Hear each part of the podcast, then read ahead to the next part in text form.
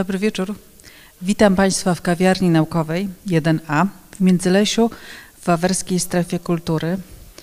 Mam ze sobą atrybuty tego pandemicznego czasu, to znaczy płyn dezynfekujący i przyłbice.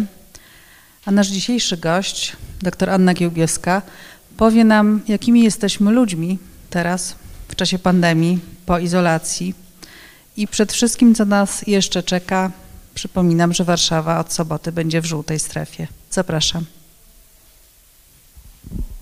Bardzo dziękuję. Dzień dobry, a właściwie dobry wieczór. Jest mi niezwykle miło Państwa widzieć i być z Państwem tu na żywo, a nie dla odmiany, y, jak ostatnio przez technologię i zapośredniczone ekrany. Y, zostało na mnie przed chwilą nałożone poważne obciążenie, to znaczy opowiedzenie Państwu, jakimi jesteśmy ludźmi po tej pandemii i izolacji. Niestety jeszcze tego nie wiemy. E, tak jak jeszcze nie wiemy, co wyniknie z naszych obyczajów po tej e, całej e, katastrofie, ale też szansie być może. Postaram się Państwu pokazać, jak patrzą na to kulturoznawcy, medioznawcy, czyli ktoś taki jak ja. W jaki sposób ta pandemia i izolacja wpływa na nasze zachowanie, na nasze dobre maniery i bardzo się cieszę, że Państwa skusiło mm, do obecności tutaj właśnie to określenie między innymi w tytule. E, cieszę się raz jeszcze niezwykle, że jesteśmy tu na żywo, a nie tylko online, o czym będzie jeszcze mowa. Pozwolę sobie posiłkować się obrazkami, czyli prezentacją, która nieco ilustruje to, co będę mówić, tak żeby Państwo mieli też pełen odbiór e, tego, co się tu dzieje, a nie byli tylko skazani na oglądanie mojego mówienia. E, jaka pandemia i izolacja są i były, o tym wiemy wszyscy. Natomiast e, na co ona wpłynęła? Postaram się kilka takich punktów Państwu wskazać z punktu widzenia badacza obyczajów i między innymi savoir vivre. Pierwszy element, nasza twierdza, czyli dom. Siłą rzeczy w czasie izolacji, tej takiej najbardziej radykalnej, zostaliśmy przeniesieni i zamknięci wręcz w naszych domach. Nie mogliśmy się z nich ruszyć, więc ta nasza twierdza stała się poniekąd dla niektórych więzieniem. E, dla niektórych szansą odpoczynku od wychodzenia z tej twierdzy e, i bronieniem jej. Jak to wygląda, proszę Państwa? Oczywiście w domu my nie zachowujemy manier. Maniery to my mamy dla świata, a zachowujemy się dla innych, no ale przecież nie dla własnego męża albo żony, prawda? Albo dla dzieci tym bardziej. Oczywiście przewrotnie to mówię, Stąd mój tytuł, tytuł e, jednego z artykułów na moim blogu, potem Państwu o nim krótko powiem, Wersal wel Wersalka. Czyli mamy coś więcej pomiędzy tymi manierami z wysokiego C, czyli zachowaniem etykietalnym, dyplomatycznym, arystokratycznym, a leżeniem na wersalce tak zwanym zaleganiem, czyli prezentowaniem manier bardzo domowych. Bo proszę Państwa, maniery domowe i etykieta domowa, także coś takiego istnieje. Mamy y, system polskiej grzeczności, który się dzieli nie tylko na grzeczność wysoką, czyli taką właśnie etykietalną, ta, która nam się kojarzy z dyplomacją, z arystokracją, e, z pobytem na dworach, a niektórym niestety z programem Projekt Lady, nie do końca słusznie ale mamy też grzeczność familiarną. To jest grzeczność uproszczona, rodzinna i taka, którą stosujemy na co dzień wobec swoich bliskich. Jak się Państwo zastanowią nad sposobami badania grzeczności, to proszę sobie wyobrazić, że musi to być niezwykle trudne. No bo jak tutaj? Dajemy kwestionariusz i pytamy, jak się zwracasz do kogoś, kogo chcesz przywitać? Albo jak prosisz o coś swojego brata? My wszyscy oczywiście napiszemy, czy mógłbyś proszę podać mi? W domu to wygląda nieco inaczej. Mój osobisty mąż być może potwierdzi, że u mnie to zwykle wygląda zrób herbaty. I to nie oznacza, że ta grzeczność jest gorsza niż ta wysoka, niż te maniery królewskie, arystokratyczne, etykietalne. My po prostu w inny sposób ją wyrażamy. Grzeczność domowa to jest w dużej mierze ton głosu, tembr, jakieś ciepło, e, ale też komunikacja niewerbalna w dużej mierze. Nie tylko to, co mówimy, ale jak mówimy. W teorii komunikacji zresztą mówi się, że komunikacja niewerbalna stanowi większość tego, co my odbieramy od innych. Jak się Państwo zastanowią nad tym, skąd wiemy, czy dana osoba milczy, ponieważ jest obrażona, czy milczy dlatego, że jest tak zadowolona? Skąd my to możemy wiedzieć? Wiemy oczywiście z tych wszystkich kanałów, które są pozawerbalne, spoza słów, które słyszymy, poza nimi odbieramy również wiele e, innych bodźców, takimi kanałami jak słuchowy, to znaczy ton głosu, intonacja. Potrafimy świetnie wyczuć, czy ktoś jest zirytowany po samym tonie głosu. Mało tego, my potrafimy usłyszeć przez telefon, czy ktoś się uśmiecha, czy nie. Proszę to zaobserwować, że to wcale nie jest mm, tylko sygnał wzrokowy. Mało tego, po tym jaką ktoś ma postawę i jak się porusza, potrafimy bardzo dużo informacji zdobyć na temat tego, jakie jest jego samopoczucie, ale też jaki jest status społeczny albo pozycja w danej grupie. Jak Państwo myślą, skąd moi studenci wiedzą, że to ja mam być po drugiej stronie katedry, a nie odwrotnie? Oczywiście kilka lat temu musiałam to sygnalizować zakładaniem marynarki i bardziej formalnym strojem, ale też nasz sposób poruszania się, sposób wejścia do sali może dać e, tego typu, mm, tego typu namiary, tego typu orientacje. Proszę Państwa, te nasze maniery to oczywiście też jest pojęcie takie kojarzące się bardzo z etykietą. E, maniery w czasie pandemii i w czasie izolacji społecznej objawiały się tak naprawdę narodowym testem dobrych manier, ale właśnie w tej grzeczności rodzinnej. Czyli w jaki sposób my radziliśmy sobie z tymi najbliższymi i z tymi, z tym, żeby ich, krótko mówiąc, nie traktować jak mebel, to znaczy dostrzegać w nich ludzi takich samych, wobec których stosujemy grzeczność, na przykład w pracy, w sferze publicznej, mm, w tym, w tym co się dzieje E, wokół. Podobno, a tak mówi Google po wpisaniu dziś, na hasło ubranie domowe wyskakują takie obrazki. Podobno my w tym ubraniu domowym wyglądamy mniej więcej tak. Jak się Państwo domyślają, albo może potwierdzą, bo może to tylko u mnie tak wygląda, że my się w domu jednak ubieramy zwykle nieco inaczej. To znaczy wygodniej, w rzeczy, które niekoniecznie są jak z żurnala, w których niekoniecznie prezentujemy się najlepiej. I to jest coś, przy czym powinniśmy uważać. To może być też taki test dobrych manier, e, przy którym musimy zwrócić uwagę na to, aby nie były to ubrania całkowicie sfatygowane. Dlaczego? Pozwolę sobie Państwu taki cytat przytoczyć, mentorki dobrych manier z dosyć dawnych czasów, ale przyznają Państwo, że nadal aktualny. Dobre po domu oznacza rzeczy, w których nie chciałybyśmy się pokazać nikomu obcemu. Niechże więc napawają się tym widokiem najbliżsi, najdrożsi i dzieci. Taka decyzja zapada nieraz po przejrzeniu sfatygowanej garderoby. Uzupełnieniem takiego stroju bywają zazwyczaj wydeptane pantofelki, zaniedbana fryzura, ujęta w zatłuszczoną kolorową siatkę, której długie troki zwisają na plecy, opadające pończochy itd. Ogólne wrażenie, że tylko uciekać z domu. Pisała Konstancja Chojnacka w 1939 roku. Wtedy jeszcze nie śniło się nikomu o izolacji społecznej i o pandemii, ale jak Państwo widzą, e, dobrze, e, dobrze obrazuje to mm, pułapkę, w którą możemy wpaść właśnie w takiej grzeczności familiarnej, domowej i na co powinniśmy uważać. E, ta skrócona grzeczność ta familiarna, ona się charakteryzuje brakiem formułek oficjalnych, brakiem szanowny panie, brakiem z poważaniem, ale też często brakiem takich aktów e, grzecznościowych jak życzenia albo podziękowania. My zakładamy, że ta druga osoba wie, że my jesteśmy wdzięczni. My mówimy zrób herbatki i jesteśmy przekonani, że on czy ona wie, że to jest kochanie, poproszę o herbatę, tylko wypowiedziane innymi środkami e, niż same słowa, które mamy do dyspozycji. Tak więc maniery domowe to jedno, a drugie to dzieci w tych domach.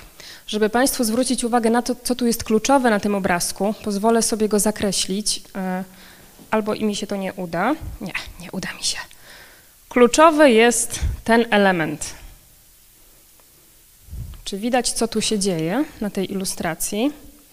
Zdjęcie to, proszę Państwa, wywołało niemałą burzę na temat dręczenia dzieci i tego, jak są traktowani, nie, traktowane nieludzko przez e, bezczelnych rodziców zamkniętych z nimi w izolacji domowej. To jest jedna z reakcji na wytyczne naszego ministerstwa o tych cichych zabawach i o tym, żeby dzieci w jakiś sposób zająć.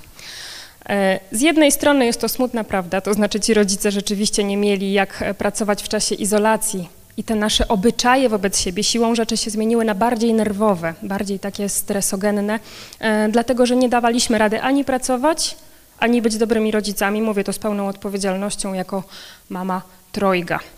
E, ale proszę Państwa, jest dobra strona. To znaczy pandemia prawdopodobnie sprawiła, że my tym dzieciom i sobie trochę odpuściliśmy. Troszkę odpuściliśmy tresowanie. E, jeżeli można wymienić błędy współczesnych rodziców, to jednym z takich rzucających się w oczy w stosunku do poprzednich e, dziesięcioleci jest z pewnością próba utrzymania zajętości dziecka, czy też zapewnienia mu czasu na 100%, żeby się lepiej rozwijało, żeby cały czas było z mamą, no bo rodzicielstwo bliskości, żeby nie było, e, żeby była w użyciu komunikacja bez przemocy, prawda, i wszystkie te elementy, które trzeba ćwiczyć, pomocy Montessori, e, już nie mówiąc o zajęciach pozalekcyjnych i wszystkich takich przyległościach wieku starszego. W każdym razie odrobinę te dzieci mniej zaczęliśmy tresować, bo po prostu nie było jak. Mieliśmy do wyboru albo trzymać wysoki poziom wymagań wobec siebie i dzieci, tak jak do tej pory, albo odpuścić i nie zwariować, zachować zdrowie psychiczne. E, jest szansa, e, proszę Państwa, że wyjdzie to nam na dobre, to znaczy i nam, i tym dzieciom, że odrobinę im odpuściliśmy. Dzieciaki musiały się przystosować do tego, że mama, która do tej pory była w domu i na 100% dla nich, teraz wcale nie jest. Trzeba się zająć samymi sobą. Tata, którego do tej pory w domu nie było często wcale, nagle w tym domu jest. I mało tego czasem ma czas, żeby się dziećmi zająć, więc też trzeba jakoś na nowo się dogadać i tę relację stworzyć, której czasem nie było. Poza tym trzeba sobie poradzić z tym, co jest w domu i z tym, co jest w rodzinie i z tymi, co są w rodzinie. No bo nie ma urodzinek w klubach, kinach, teatrach, nie ma placów zabaw, przez pewien czas nie było. Teraz oczywiście trochę się to zmieniło, ale, e, ale przez pewien czas mieliśmy takie właśnie e, takie obostrzenia. E, no i proszę Państwa, taka refleksja z życia sąsiedzkiego. Okazało się, że to nie dzieci miały problem z tym, że zbyt dużo siedzą w sieci, tylko dorośli mieli problem z odbiorem tego. Teraz, kiedy była pandemia i chciało się czasem, żeby te dzieci posiedziały przy filmie, przy bajce przez dwie godziny, trzy godziny, żeby odzyskać czas na pracę. Okazało się, że to wcale nie takie proste. Ta mama, która jest obok i pracuje, jest jednak dużo atrakcyjniejszą sprawą do zabawy i do rozrywki niż komputer albo tablet, z którym dziecko było porzucone. Więc też powinno nam to dać do myślenia i myślę, że dało części, że jednak ta nasza uwaga, choćby nie niosła za sobą nic w rodzaju gadżetów elektronicznych i nowoczesnych, jest dla tych dzieciaków dużo ważniejsza w takim codziennym rozwoju i w tym, żeby funkcjonować w społeczeństwie no bo od kogo one się tego od nas uczą? Oczywiście od nas i mam nadzieję, że wkrótce będziemy już mogli z perspektywy przeszłej porozmawiać o tym, co to było ta pandemia, dlaczego nas to tak trafiło i jakie zmiany to spowodowało w naszym codziennym funkcjonowaniu. E, właśnie, jeżeli chodzi o zmiany, to proszę też zwrócić uwagę na relacje z innymi. W systemie grzecznościowym polskim, mówi się o takim zjawisku jak polska grzeczność językowa, wyróżniamy takie relacje jak relacja formalna. Ona się przejawia tym, że do kogoś piszemy szanowny panie, szanowna pani, szanowni państwo. Jest relacja nieformalna, no i to jest oczywiście ty albo misiu, kotku, Pawle, prawda? Wszystko to, co pozwala nam tykać tę drugą osobę. Mamy też relacje pośrednie, takie hybrydowe, ale one są dosyć trudne do określenia. Dlaczego? Dlatego, że kiedy pracujemy z jakąś panią, na przykład starszą od nas o 20 lat i zwracamy się do niej pani Krysiu, a ona do nas mówi po imieniu, to jest to sytuacja bardzo niesymetryczna i bardzo trudna do ustalenia. Miałam ostatnio taką dyskusję na jednej z grup e, takich eksperckich, w jaki sposób zaproponować przejście na takie pani Krysiu, ale żeby do mnie cały czas mówiła na Aniu. E, po pierwsze, to jest nie do zrobienia z punktu widzenia tej osoby, która jest niżej w hierarchii, czyli tej, która ma być, która ma być Anią albo ma zamiar być Anią. Proponuję takie e, przejścia na prawie ty, tylko ta osoba wyżej w hierarchii, więc albo starsza, albo szef. Mm, a po drugie, jest to bardzo niezręczne, no bo jak to powiedzieć? Pani profesor, proszę mi mówić na ty, a ja cały czas będę profesorować. Albo z drugiej strony, prawda? Proszę mi już nie mówić profesor, a ja będę do pani mówić Aniu. Jedna i druga osoba e, źle by na tym wyszła. E, obyczajowo oczywiście i tak savoir vivre, bo w savoir vivre, przypominam, chodzi o zachowanie swobody. Nie to, żeby wkuwać tysiące formułek, tylko o to, żeby poczuć się lepiej w każdej sytuacji i swobodnie, zawsze na miejscu. E, co zrobiła ta pandemia, izolacja i to, czego my teraz doświadczamy w, w, zakresie naszych relacji z innymi? Otóż ta formalność i nieformalność, o których Państwu wspomniałam, bardzo nam się pomieszały. I w zasadzie nic dziwnego, że się pomieszały, dlatego że internet, środowisko, które do tej pory znamy mm, z rozrywki, z zabawy, z oglądania filmów, e, z czatowania, ze spotykania się z innymi na Facebooku albo w innych portalach społecznościowych, e, albo leniwego scrollowania ekranu, czyli przewijania, żeby sobie poczytać najświeższe ploteczki, newsy czy też informacje, nagle to środowisko stało się tłem dla naszych relacji wszelakich. Nie tylko tych nieoficjalnych i nie tylko tych po godzinach pracy. Nagle większa część naszego życia przeniosła się właśnie do internetu i w tym internecie mamy się spotykać ze wszystkimi, nie tylko z kolegami i koleżankami, także z panem doktorem, z którym oczywiście jesteśmy na pan, pani, także z panem profesorem, który na przykład jest promotorem i do tej pory zawsze byliśmy na panie profesorze. Teraz też jesteśmy, ale jak się to ma do netykiety? Przypominam, że jest coś takiego dosyć archaicznego i jeszcze Państwu o tym powiem e, krótko, dlaczego powinno to zostać zreformowane i zostanie mm, po tej pandemii najprawdopodobniej, siłą naszych nawyków i tego, co wypracowujemy, ale w internecie wszyscy jesteśmy na ty.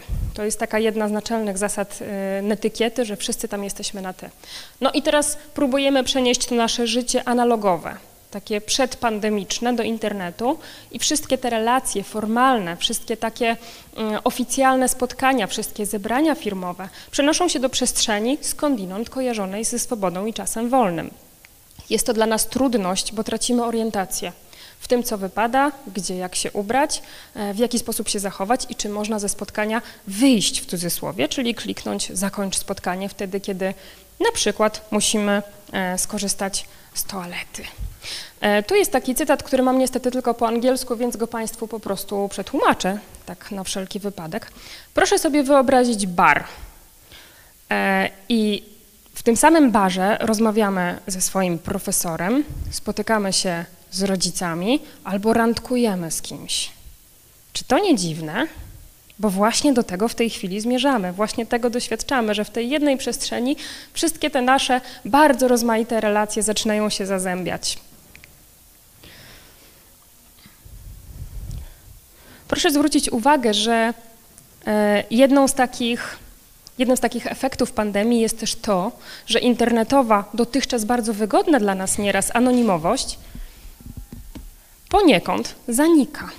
To znaczy ci, którzy pracują w internecie i wykorzystują go po to, żeby swoje dotychczasowe obowiązki zawodowe wykonywać, e, nie mają innej możliwości, nie są anonimowi. Teraz już nie tylko reprezentują siebie, podpisani imieniem i nazwiskiem, e, ale reprezentują swoją firmę. Teraz już nie ma tak, że połączę się z kimś telefonicznie, bo jest telekonferencja i wystarczy, że zostanę zalogowana przez dwie godziny i to tam się będzie toczyć, a ja potem odsłucham. Teraz wszystkie najważniejsze sprawy firmowe e, i tego typu spotkania ustalamy wyłącznie przez internet. Nie ma więc możliwości e, skulić się w kąciku. Nagle też odkrywamy, że na tych spotkaniach osobistych jednak mieliśmy trochę swobody. Mogliśmy na przykład powiedzieć przepraszam i wyjść do toalety. A teraz zaczynamy się zastanawiać, czy to na pewno dobry moment, żeby powiedzieć, że muszę do toalety, albo nawet tego nie mówić, ale wyjść, bo właśnie prezes rozpoczyna swoje mówienie. Mm, więc to też powoduje taką dezorientację w tych naszych przekonaniach, co jest dobre, co jest w porządku i co jest stosowne.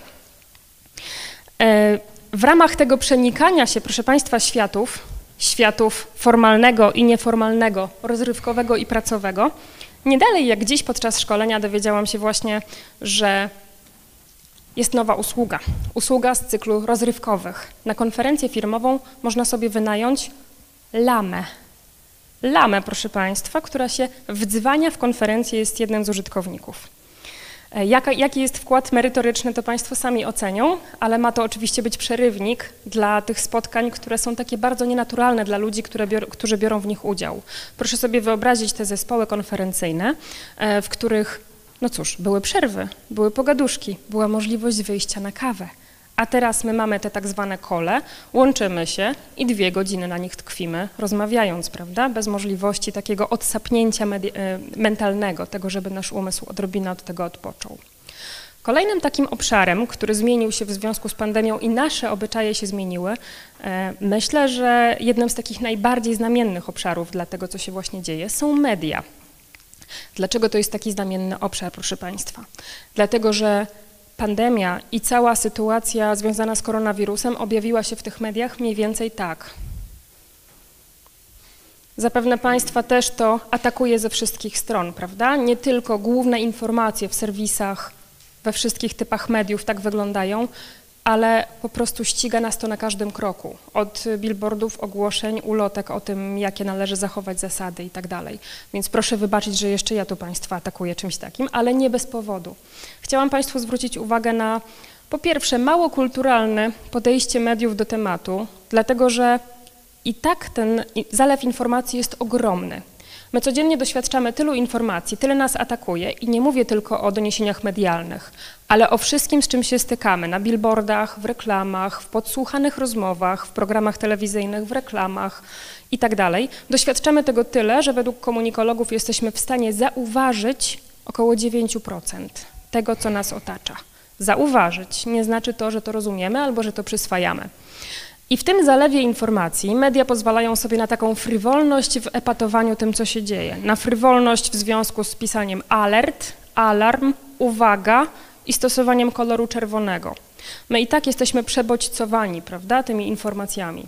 E, w dodatku jesteśmy przebodźcowani niepokojem, który cały czas w nas kiełkuje, dlatego że jesteśmy w sytuacji bez precedensu. Nigdy jeszcze coś takiego się nie działo na taką skalę i nigdy nie tkwiliśmy w takim poczuciu zagrożenia. Ono jest przez media wzmagane. E, proszę Państwa, od kiedy mamy pandemię ogłoszoną jako stan pandemiczny oficjalnie, e, doświadczamy czegoś, co po pierwsze można nazwać redundancją informacji, czyli one są ciągle powtarzane. Rano słyszę, że jest 30 ofiar na przykład i w południe też słyszę, że jest 30 ofiar. Czy to są te same 30, czy już inne?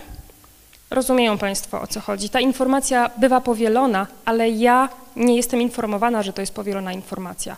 Może mi się tworzyć fałszywy obraz na temat tego, jaka jest skala, prawda? E, mało tego, te informacje bywały podawane szczególnie na początku pandemii bardzo nieregularnie, czyli właśnie nie potrafimy sobie stworzyć takiego całościowego obrazu i mamy jeszcze większe poczucie chaosu. E, nadmiar, e, częstotliwość, powtarzalność, dlatego że media oczywiście prowadzą wyścig. Każdy musi podać informację, która jest pilna, ważna i istotna.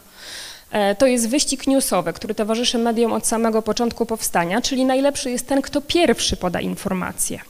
I to świetnie działa ten mechanizm, ale w takich sytuacjach, kiedy mamy rzeczywiście wydarzenie newsowe, czyli coś się dzieje, trwa ileś godzin albo ileś dni, można je relacjonować godzina po godzinie, a potem zaczyna wygasać. Przychodzi czas na analizy, na zastanowienie się, na pogłębione reportaże na ten temat. My teraz jesteśmy w sytuacji, która nie była wcześniej e, przez ani przez media doświadczana, ani przez nas. Jesteśmy w sytuacji, która jest niepowtarzalna, bo długo trwała. To nie jest taki kryzys w klasycznym znaczeniu, dlatego że żyjemy w nim już ileś miesięcy i nie wiadomo, ile jeszcze pożyjemy. Dlatego działanie newsowe tutaj e, ze strony mediów nazwałabym nieetycznym. Naraża nas na takie zaspokajanie potrzeby e, informacji, to jest jedna z naszych potrzeb według e, piramidy Maslowa, mm, kosztem naszego poczucia bezpieczeństwa, potrzeby poczucia bezpieczeństwa, prawda? Czyli my rezygnujemy z takiego swojego spokoju, patrząc w te wszystkie media, oglądając i czując się poinformowanymi i jak najbardziej na bieżąco. Ale płacimy za to właśnie e, takim stresem. E, dlaczego to jest, dlaczego to jest e, dla nas szkodliwe, poza tym, że jest tego tyle?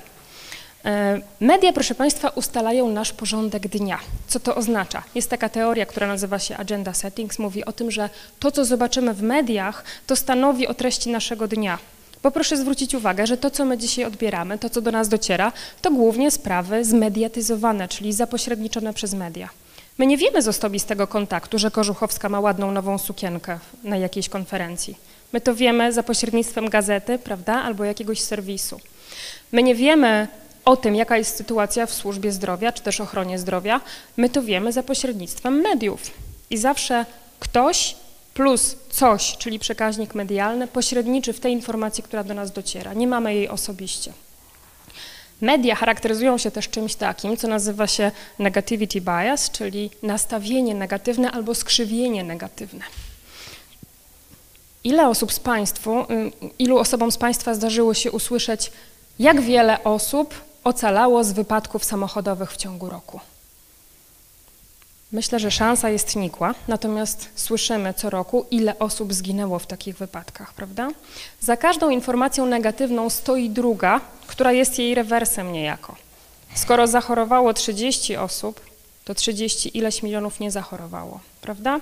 Tej drugiej części, pozytywnej, raczej w mediach nie uświadczymy, E, plus cały czas aktualna pozostaje zasada, że najlepiej sprzedaje się sensacja, a więc mówiąc brzydko, krew, seks, pieniądze, e, zbrodnia, wszystko to, co najbardziej sensacyjne.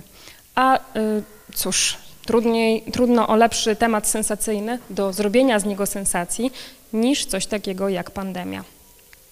No i proszę Państwa, media społecznościowe, które miały być oknem na świat i w czasie tej pandemii, a szczególnie izolacji, e, z pewnością są takim oknem na świat dla tych osób, które musiały zostać w domu, które nie miały możliwości wyjścia, ale wtedy sprzedajemy całe nasze widzenie świata mediom. To znaczy wszystko jest zapośredniczone i to już nie przez jednego człowieka, który jest nadawcą komunikatu, ale przez tysiące ludzi, którzy w tych mediach społecznościowych działają.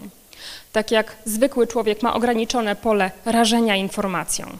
Jeżeli ja mam jakiś pogląd, mogę to przekazać mojej rodzinie, znajomym, współpracownikom, osobom, które szkole, studentom, prawda? Pani w sklepie być może, albo e, personelowi medycznemu. Jeżeli ktoś jest medium albo reprezentuje medium, to ma coś w rodzaju tuby propagandowej i może to, co chce zaprezentować milionom osób. Mało tego, bez żadnej informacji zwrotnej, bo przecież my nie mamy możliwości odpowiedzenia na to, co w mediach jest pokazywane. E, a jeżeli mowa o mediach społecznościowych, to sytuacja jest jeszcze trudniejsza. Jesteśmy my kontra bardzo, bardzo, bardzo wiele ludzi, zdezorientowanych równie jak my, poszukujących informacji, ale też ujścia tych informacji, którzy nawzajem atakujemy się tymi informacjami nie do końca sprawdzonymi. I to jest w większości mediów taki główny, taki główny grzech śmiertelny obecnie. E, który uderza w podstawę ich działania. Dlatego, że media obecnie nie odróżniają informacji od opinii. Proszę zwrócić uwagę. Ekspert wypowiada się na temat pandemii, ale to przecież nie jest wiedza, bo my nie mamy badań. My jeszcze nie mamy informacji na ten temat, wiedzy usystematyzowanej. To jest jakaś opinia na większych lub mniejszych podstawach, bardziej solidnych lub mniej oparta, ale cały czas opinia i my już nie jesteśmy informowani o tym, że to jest czyjaś opinia. Mało tego, media manipulują nami w taki sposób, że przecież nadal biorąc udział w wyścigu po newsa, po naszą uwagę i po kasę reklamodawców, e, szukają coraz to nowych sposobów na to, żeby o tym koronawirusie opowiedzieć. E, skoro wszyscy opowiadają o newsach i dają raporty dzienne i mówią o tym, jak się ma system opieki zdrowotnej, to wymyślmy coś innego, coś, co do nas przyciągnie widzów. Na przykład, hmm, a może zaprosimy weterynarza? Niech on powie, czy psy też są podatne. E, a my może zaprośmy jasnowidza. Może on coś będzie wiedział na temat końca pandemii. A ktoś inny wpada na jeszcze inny pomysł w rodzaju, hmm, a może by tak spojrzeć z punktu widzenia tego, co oszczędzamy?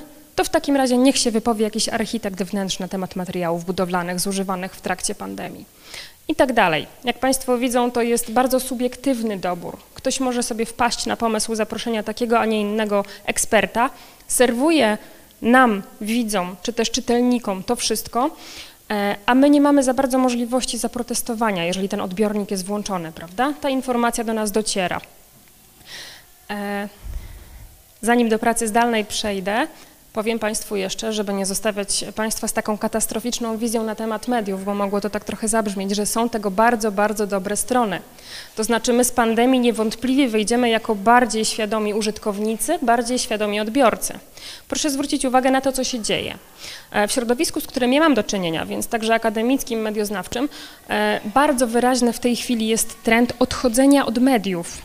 To znaczy tego, żeby jednak wyłączyć ten telewizor, żeby ograniczyć sobie e, siedzenie na Facebooku godzinami, e, ale też trend wyłączania celowo informacji, powiadomień, tego typu rzeczy. Na początku robiliśmy to kompulsywnie, prawda, sprawdzając ile tych e, nowych przypadków się pojawia i tak dalej. Teraz, kiedy stała się to nasza rzeczywistość, nasza codzienność i powtarza się bez końca, my świadomie albo mniej zaczynamy to sobie dawkować po prostu czujemy, że ochrona naszego dobrostanu, naszego samopoczucia od tego e, właśnie zależy i na tym będzie polegała. E, więc efektem tego, co się dzieje z mediami i czym nas atakują, jest, proszę Państwa, przechodzenie na tak zwaną dietę niskoinformacyjną.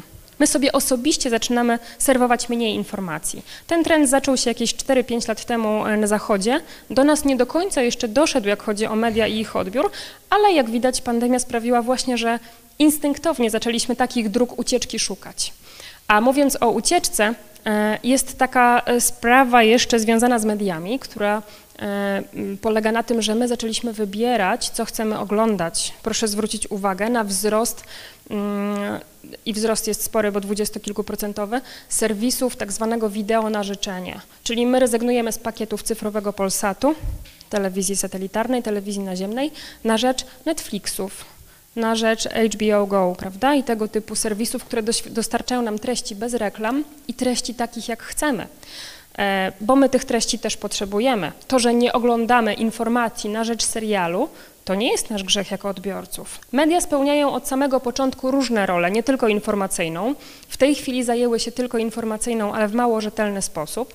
Natomiast pokpiły wszystkie inne swoje funkcje. Bardzo ważną funkcją mediów jest funkcja rozrywkowa, emotywna, czyli taka, która sprawia, że my mamy możliwość odreagowania, pośmiania się, być może wzruszenia, a nie cały czas bania się, prawda, podwyższania tego niepokoju. I jeszcze inna funkcja mediów nazywa się eskapistyczna, od ucieczki, pozwala nam uciec od codzienności, zanurzyć się w czymś, co jest dla nas przyjemne. Czymś takim jest na przykład oglądanie serialu, jeden, drugi, trzeci odcinek. Pozwala nam to w jakiś sposób uciec od rzeczywistości i zdystansować się od tego, co mamy na co dzień. E, to też przez media e, bardzo zaniedbywana funkcja w ostatnich czasach. E, teraz kolejny obszar, którego nie da się pominąć, to jest tak zwana praca zdalna. E, my do niedawna pracą zdalną nazywaliśmy wysłanie trzech maili albo odebranie telefonu poza biurem. To nam się wydawało pracą zdalną taką możliwością. Teraz mamy szansę jej doświadczyć i okazuje się, że ona bardzo często wygląda zgoła inaczej, niż byśmy sobie wyobrażali. Etapy pracy w domu. Pierwszy dzień, super, pracuję w domu. Drugi, oj, pogadałbym z kimś. Trzeci, ciekawy, czy gołąb Wiesław przyleci dziś znów na mój parapet nazywanie zwierzaka, ptaka, prawda, przypadkowego, po to, żeby mieć iluzję kogoś bliskiego i kogoś, do kogo możemy otworzyć ustę, z kim możemy porozmawiać. Okazuje się, że praca w domu, tak zwana telepraca, również jest obciążająca. Dla części z nas pewnie była to na początku ulga, szczególnie dla tych, którzy charakteryzują się wysokim poziomem introwertyzmu i przy telepracy odetchnęli. Uf, nie będę musiała chodzić po biurach nie będę się musiała zastanawiać, czy wypada zapukać do zamkniętego biura, czy nie. Nie będzie się trzeba zastanawiać, jak się ubrać, ani kto pierwszy ma zabrać głos podczas jakiejś prezentacji. A tu się okazuje, że niestety, ale telepraca niesie ze sobą też bardzo, bardzo dużo różnych zagrożeń, takich obyczajowych właśnie, gaf, których się obawiamy popełnić, e, o których nawet nam się wcześniej nie śniło. Telekonferencje. Pewnie się Państwu rzuciły w oczy takie małe, eleganckie obrazki z internetu, czyli te, gdzie jesteśmy bardzo dobrze przygotowani od pasa wzwyż. To, co poniżej, to już nieważne, prawda? Bo jesteśmy w zaciszu własnego domu i możemy sobie pozwolić na dosyć swobodny ubiór. E, a na drugim obrazku oczywiście ktoś, kto coś spożywa, nie spożywamy w ten sposób podczas e, spotkań takich analogowych, takich, na których spotykamy się osobiście. Nie idziemy na spotkanie z szefem z kanapką w dłoni i z kubkiem kawy w drugiej. Natomiast przy telepracy powolutku, powolutku zaczyna się to robić jakiegoś rodzaju normą, ale oczywiście kwestią ustalenia obyczajów i to taką dłuższą niż kilkumiesięczną pozostaje ustalenie tego, co jest dobrze widziane i co wypada, a co nie, co jest stosowne, a co nie. E, proszę Państwa, e, telepraca obnażyła też taką prawdę, że to, co nam się wydawało postępowe do tej pory i takim byciem na czasie, czyli na przykład sprawna obsługa pakietu Office albo sprawna obsługa komputera w ogóle, e, nie do końca jest kompetencją, która dzisiaj jest potrzebna. Jest to dużo za mało. Nagle okazało się, że musimy się uczyć Zoomów, Teamsów, mitów i innych trudno brzmiących nazw programów oraz ich obsługi, co wcale nie jest takie proste. Ale nie to jest największym problemem. Technologii jesteśmy w stanie się nauczyć. Okazało się natomiast, że nie jesteśmy w stanie się nauczyć tego kontaktu zapośredniczonego. Jest coraz więcej badań e, z zakresu psychologii społecznej mówiących o tym, że taka telepraca znacznie bardziej męczy niż bycie z kimś na żywo, niż pracowanie w biurze czy w swoim miejscu pracy. E, I jest, to, jest na to bardzo proste wytłumaczenie, proszę Państwa. To tak jakby ktoś nam zasłonił oczy i kazał robić to, co robiliśmy dotychczas. Dlaczego? Dlatego, że patrząc na drugiego człowieka, widzimy go trójwymiarowo prawda? Widzimy go z różnych stron, widzimy jak się porusza w czasie rzeczywistym. Słyszymy co mówi, ale i słyszymy jak mówi. Widzimy jak gestykuluje i widzimy całą jego sylwetkę. Jedna z pierwszych lekcji dotyczących dydaktyki, którą dostałam od mojej e, promotorki, pani profesor Marcjanik, brzmiała na początek proszę wyjść, nawet jeżeli jest katedra i pokazać się w całości. Dlatego, że odbiorca, słuchacz ma zupełnie inny kontakt z tym, kto mówi wtedy, kiedy widzi jego sylwetkę całą. Kiedy potrafi sobie zobrazować, zmapować to, co jest za tym biurkiem, a nie widzi tylko gadającą głowę. My w tej chwili nie dosyć, że mamy gadające głowy na ekranie tych komputerów, to jeszcze te głowy po pierwsze zacinają się mówiąc, po drugie, tracimy łącza, e, tracimy siebie na łączach. Po trzecie, to co się wiecznie pojawia e, na szkoleniach i spotkaniach wykładowców. Jak się mówi do stu szarych kwadracików z napisami Anna B, Kasia C, Tomasz S i tak. Chodzi oczywiście o to, że studenci w ramach ochrony przepustowości łącza wyłączają kamerki po to, żeby zachować dźwięk i możliwość słyszenia się nawzajem, e, ale wykładowca widzi rzeczywiście same kafelki. E, tak jak niektórzy nie potrafią sobie wyobrazić, jak w ogóle można przemawiać do 100 osób obecnych na sali, to proszę sobie wyobrazić, o ile bardziej zwiększa to poziom trudności, kiedy Wiadomo, że te osoby tam powinny być, ale czy są i czy za tym każdym z kafelków rzeczywiście kryje się ktoś, kto żyje i potrafi jakoś zareagować, albo chociaż słucha? Taki dowcip krążący w gronie wykładowców i ćwiczeniowców uniwersyteckich mówi, że dobrze jest wtedy, kiedy na sali jest przynajmniej jedna osoba, z którą można znaleźć taki inteligentny kontakt wzrokowy, żeby mieć to poczucie, że ta iskierka zainteresowania tym, co mówimy, tam gdzieś się tli. No a jak tutaj znaleźć tę iskierkę, prawda? Jak i ekran śnieży, i łącze się zrywa, i głos ucieka, i jeszcze mam te kafelki zamiast ludzi. To naprawdę jest wyzwanie. Nie mówiąc oczywiście o tych zawodach, które nie są w stanie wykonywać swojej pracy zdalnie. Na ten temat już Państwo się nasłuchali na pewno dziesiątków dowcipów, czyli w jaki sposób przeprowadza się operacje chirurgiczne e, za pomocą telemedycyny, prawda? E, jest też tak, że jeszcze rok albo dwa lata temu e, to było coś niedoścignionego, czyli taki rozwój techniki, takie poczucie, że my gonimy świat, ale też robimy coraz większe postępy w związku z tym, że wszystko jest takie cyfrowe i tele, i cyber, e, i związane z jakimś mechanicznym uczeniem się. Teraz mamy próbkę tego, jak to jest, kiedy ta, kiedy cyfrowa staje się i nauka, i praca, i medycyna, i wszystkie możliwe dziedziny naszego życia, które tylko jesteśmy w stanie tam przenieść. I nie do końca jest nam z tym tak dobrze. E, proszę zwrócić uwagę jeszcze na taki paradoks. Wtedy, kiedy jeździliśmy do pracy albo gdziekolwiek wśród ludzi, bardzo często mm, cierpieliśmy w tłoku. Wtedy, kiedy jechaliśmy metrem, pewnie mają Państwo takie doświadczenia, że jak jedziemy bardzo zatłoczonym środkiem transportu publicznego i wpycha się na nas ktoś z tyłu i z przodu, ja leżę na kimś, a ktoś na mnie, to jesteśmy bardzo niespokojni i bardzo poddenerwowani. Dzieje się tak dlatego, że przekraczamy sfery tak zwanego dystansu społecznego. Mamy coś takiego jak sfera e, intymna i ona jest bardzo niewielka, około 40 centymetrów wokół mnie tam wpuszczamy tylko te osoby, które chcemy wpuszczać. Albo raczej tak było w tym świecie przedpandemicznym, teraz trochę inaczej. Mm, w, zaraz powiem o co mi chodzi. W środkach transportu, kiedy ta strefa jest naruszana, my czujemy niepokój, czujemy zagrożenie, czujemy się e, zaniepokojeni, nie do końca wiedząc czym. E, I to nas denerwowało na przykład w środkach transportu. A teraz, kiedy ktoś z nas utknął w domu, i te sfery dystansu społecznego w ogóle nie są stymulowane, okazuje się, że to też jest problem, że my jednak potrzebujemy co jakiś czas wpuścić kogoś bliżej siebie, e, chociażby po to, żeby z nami porozmawiał, żeby wymienić z żywym człowiekiem e, jakieś poglądy. E, tu taki komiks, być może poznają Państwo tę postać, która na pierwszym obrazku śledzi lokaja wykonującego swoją pracę, odnoszącego naczynia. Na drugim obrazku nadal go śledzi, tym razem z szafy, podczas kiedy lokaj e, odkurza po piersie. Potem jest lokaj w sytuacji bardzo prywatnej, ale w której znów towarzyszy mu znajoma postać, która następnie ukrywa się za fotelem, aby w końcu wyskoczyć, nastraszyć lokaja i powiedzieć, że pod groźbą sankcji prawnych nie wolno mu odcinać tej metki. Myśl Lokaja jest taka, że nienawidzę, kiedy on pracuje z domu. Wszystko mu się myli, prawda?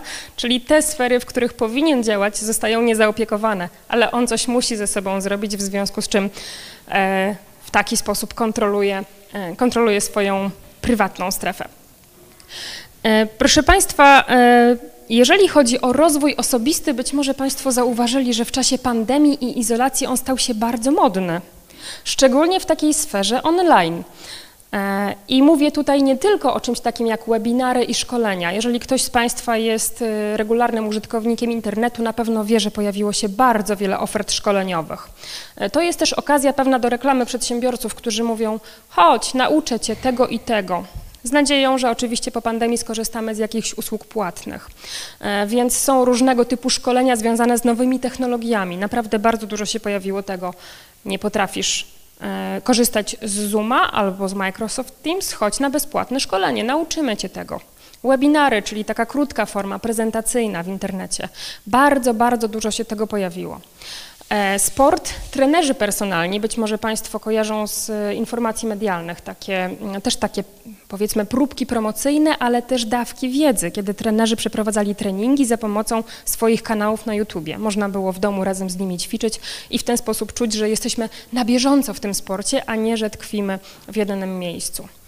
Ale w ramach tego rozwoju wkładam też remonty, wszelkiego rodzaju zaległości, które wykonywaliśmy w naszym otoczeniu, porządki. Dlaczego? Dlatego, że to wszystko, proszę Państwa, ma wspólny mianownik. Wspólny mianownik jest taki, że my w czasie pandemii e, szczególnie zaczęliśmy odczuwać coś, co nazywa się z angielskiego FOMO, czyli strach przed przegapieniem, przed tym, że coś nas ominie. I to jest strach, który jest bardzo charakterystyczny dla wielu z nas, niezależnie od sytuacji osobistej i życiowej. E, rodzice małych dzieci, którzy utknęli e, w domu, mają oczywiście poczucie, że wszystko mija, tak? No bo są z tymi dziećmi w domu, więc ani praca nie rusza do przodu, ani jakiś rozwój. E, ci, którzy utknęli w domu sami, a jeszcze nie mieli wcześniej okazji znaleźć drugiej połówki, mają poczucie, że teraz mają te możliwości bardzo ukrócone. Ci, którzy utknęli w domu, ale zostali zmuszeni do pracy zdalnej i robią to ponad siły, mają poczucie, że cały świat wokół szkoli się, korzysta z tych nowych technologii, a może odpoczywa, a oni muszą pracować. Więc jest to taka bardzo uwspólniona e, cecha, a, e, a rozwój jako taki stał się właśnie modny i bardzo chętnie prezentowany na przykład w serwisach społecznościowych. No bo rzadko narzekamy w nich, prawda? Jeżeli już pojawiają się zdjęcia, to to są zdjęcia tego, co wypracowałam, jeżeli chodzi o moją figurę w trakcie pandemii. Albo tego, jakie szkolenie zrobiłam.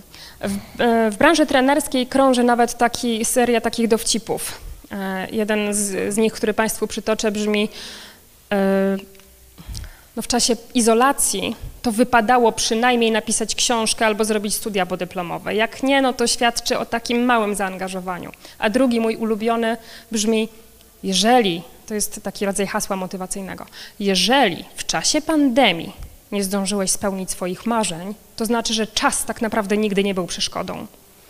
Rozumiemy, prawda, błąd w rozumowaniu logicznym. O co tu chodzi? E, mieliśmy dużo innych spraw, które nam w tym czasie czas e, przejmowały, ale nie w taki sposób być może, jak byśmy chcieli. E, etykieta, to co mnie najbardziej interesuje zazwyczaj w działalności badawczej, ale tutaj do takiego powiedzmy worka z napisem etykieta włożyłam wszystkie te grzecznościowe zachowania konkretne, o których Państwu powiem. I jednym z takich pierwszych może jeszcze zanim do etykiety, jednym z takich pierwszych wydarzeń e, grzecznościowych jest, proszę Państwa, dawanie prezentów i życzliwości, dowodów życzliwości, nawiązując do tego rozwoju. Tak jak Państwu powiedziałam, masa szkoleń darmowych, webinarów, bezpłatnych kursów i takich rzeczy, to, mm, to, to jest jeden typ prezentów. Drugi typ prezentów to są takie akty życzliwości wobec siebie nawzajem. Seniorze, jeżeli nie chcesz wychodzić z domu, a potrzebujesz zakupów, to daj znać, zrobimy je za ciebie, bezpłatnie dostarczymy. E, jeżeli potrzebujesz wyprowadzić pieska, sąsiadko, to daj znać. Pewnie Państwo też się spotkali z takimi, e, z takimi informacjami, z takimi możliwościami. Ale też restauracje dostarczające posiłki, na przykład medykom, prawda, pracującym przy, e, przy pandemii. Więc doświadczyliśmy sporo takich podarunków, które sobie nawzajem z życzliwości ofiarowujemy. No właśnie, etykieta współczesna odrobinę zmodyfikowała się w stosunku do tego, co mieliśmy przed pandemią, ale też nie można powiedzieć, że jest bardzo dobrze dopasowana do niej netykieta tradycyjna, czyli to, z czego wyimki tu Państwu pokazuję. Jeden z takich wyimków mówi o tym, że w sieci każdy jest na ty, bez względu na wiek i płeć. Ale na przykład aby przekazywać swoje emocje, możesz używać emotikonek, to też wiemy. E, grzecznie jest się przywitać po wejściu na kanał czy też na spotkanie. I to wszystko jest prawda, ale proszę Państwa, odrobinę za mało. Nie ma tutaj ani słowa o tych całych telekonferencjach o tym, czy wypada mi wejść do toalety, czy mi nie wypada wejść do toalety w czasie telekonferencji. Nie ma nic o tym, kiedy powinnam mikrofon wyłączyć, a kiedy wyłączyć kamerę, bo takie też są zalecenia. Mikrofony czasami wpływają na zakłócenia, prawda? Wtedy, kiedy jest więcej osób uczestniczących w spotkaniu. E, I tego nie mamy jeszcze uregulowanego, dopiero zaczynamy to robić. Mm, nie ma też informacji na temat tego, jak e, traktować klientów, którzy są obsługiwani wyłącznie telefonicznie w tej chwili, a kiedyś byli na żywo, czyli na przykład e, różnego rodzaju terapie właśnie albo wizyty lekarskie, psychologiczne itd.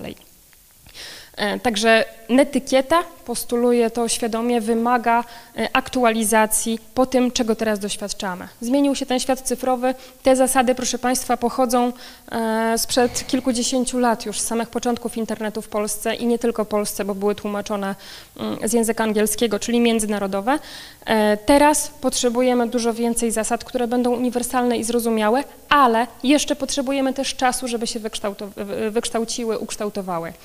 Dlaczego? Dlatego, że kształtowanie takich zasad jak zasady savoir-vivre to jest kompetencja miękka, komunikacyjna, taka, z którą mamy do czynienia przez pewnego rodzaju dyfuzję społeczną. Uczymy się tego od innych przez obserwacje, mm, ale zmiany obyczajów kształtują się przez dziesiątki, a czasami setki lat.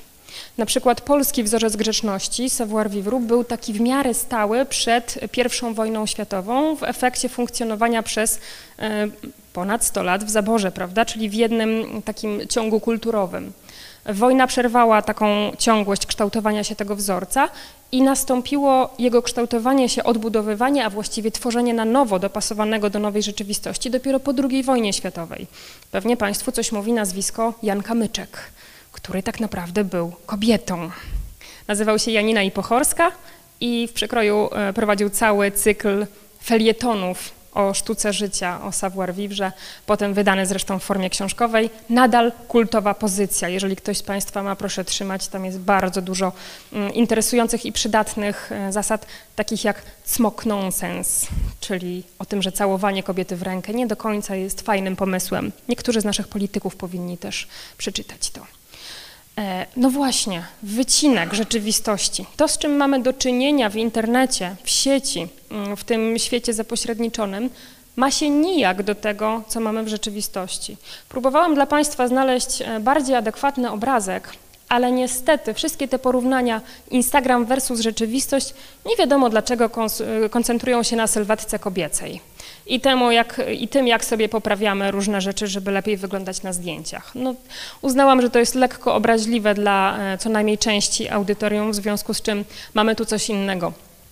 Otóż to, co widzimy na zdjęciach, nie zawsze musi być prawdą. Nie zawsze musi być nawet wycinkiem tej prawdy, tylko może to wyglądać zupełnie inaczej. E, a my, będąc zamkniętymi także przez pandemię, szczególnie przez pandemię w domu, niestety widzimy u innych tylko to, że trawa jest bardziej zielona, prawda? No właśnie, etapy zmiany w czasach wirusa.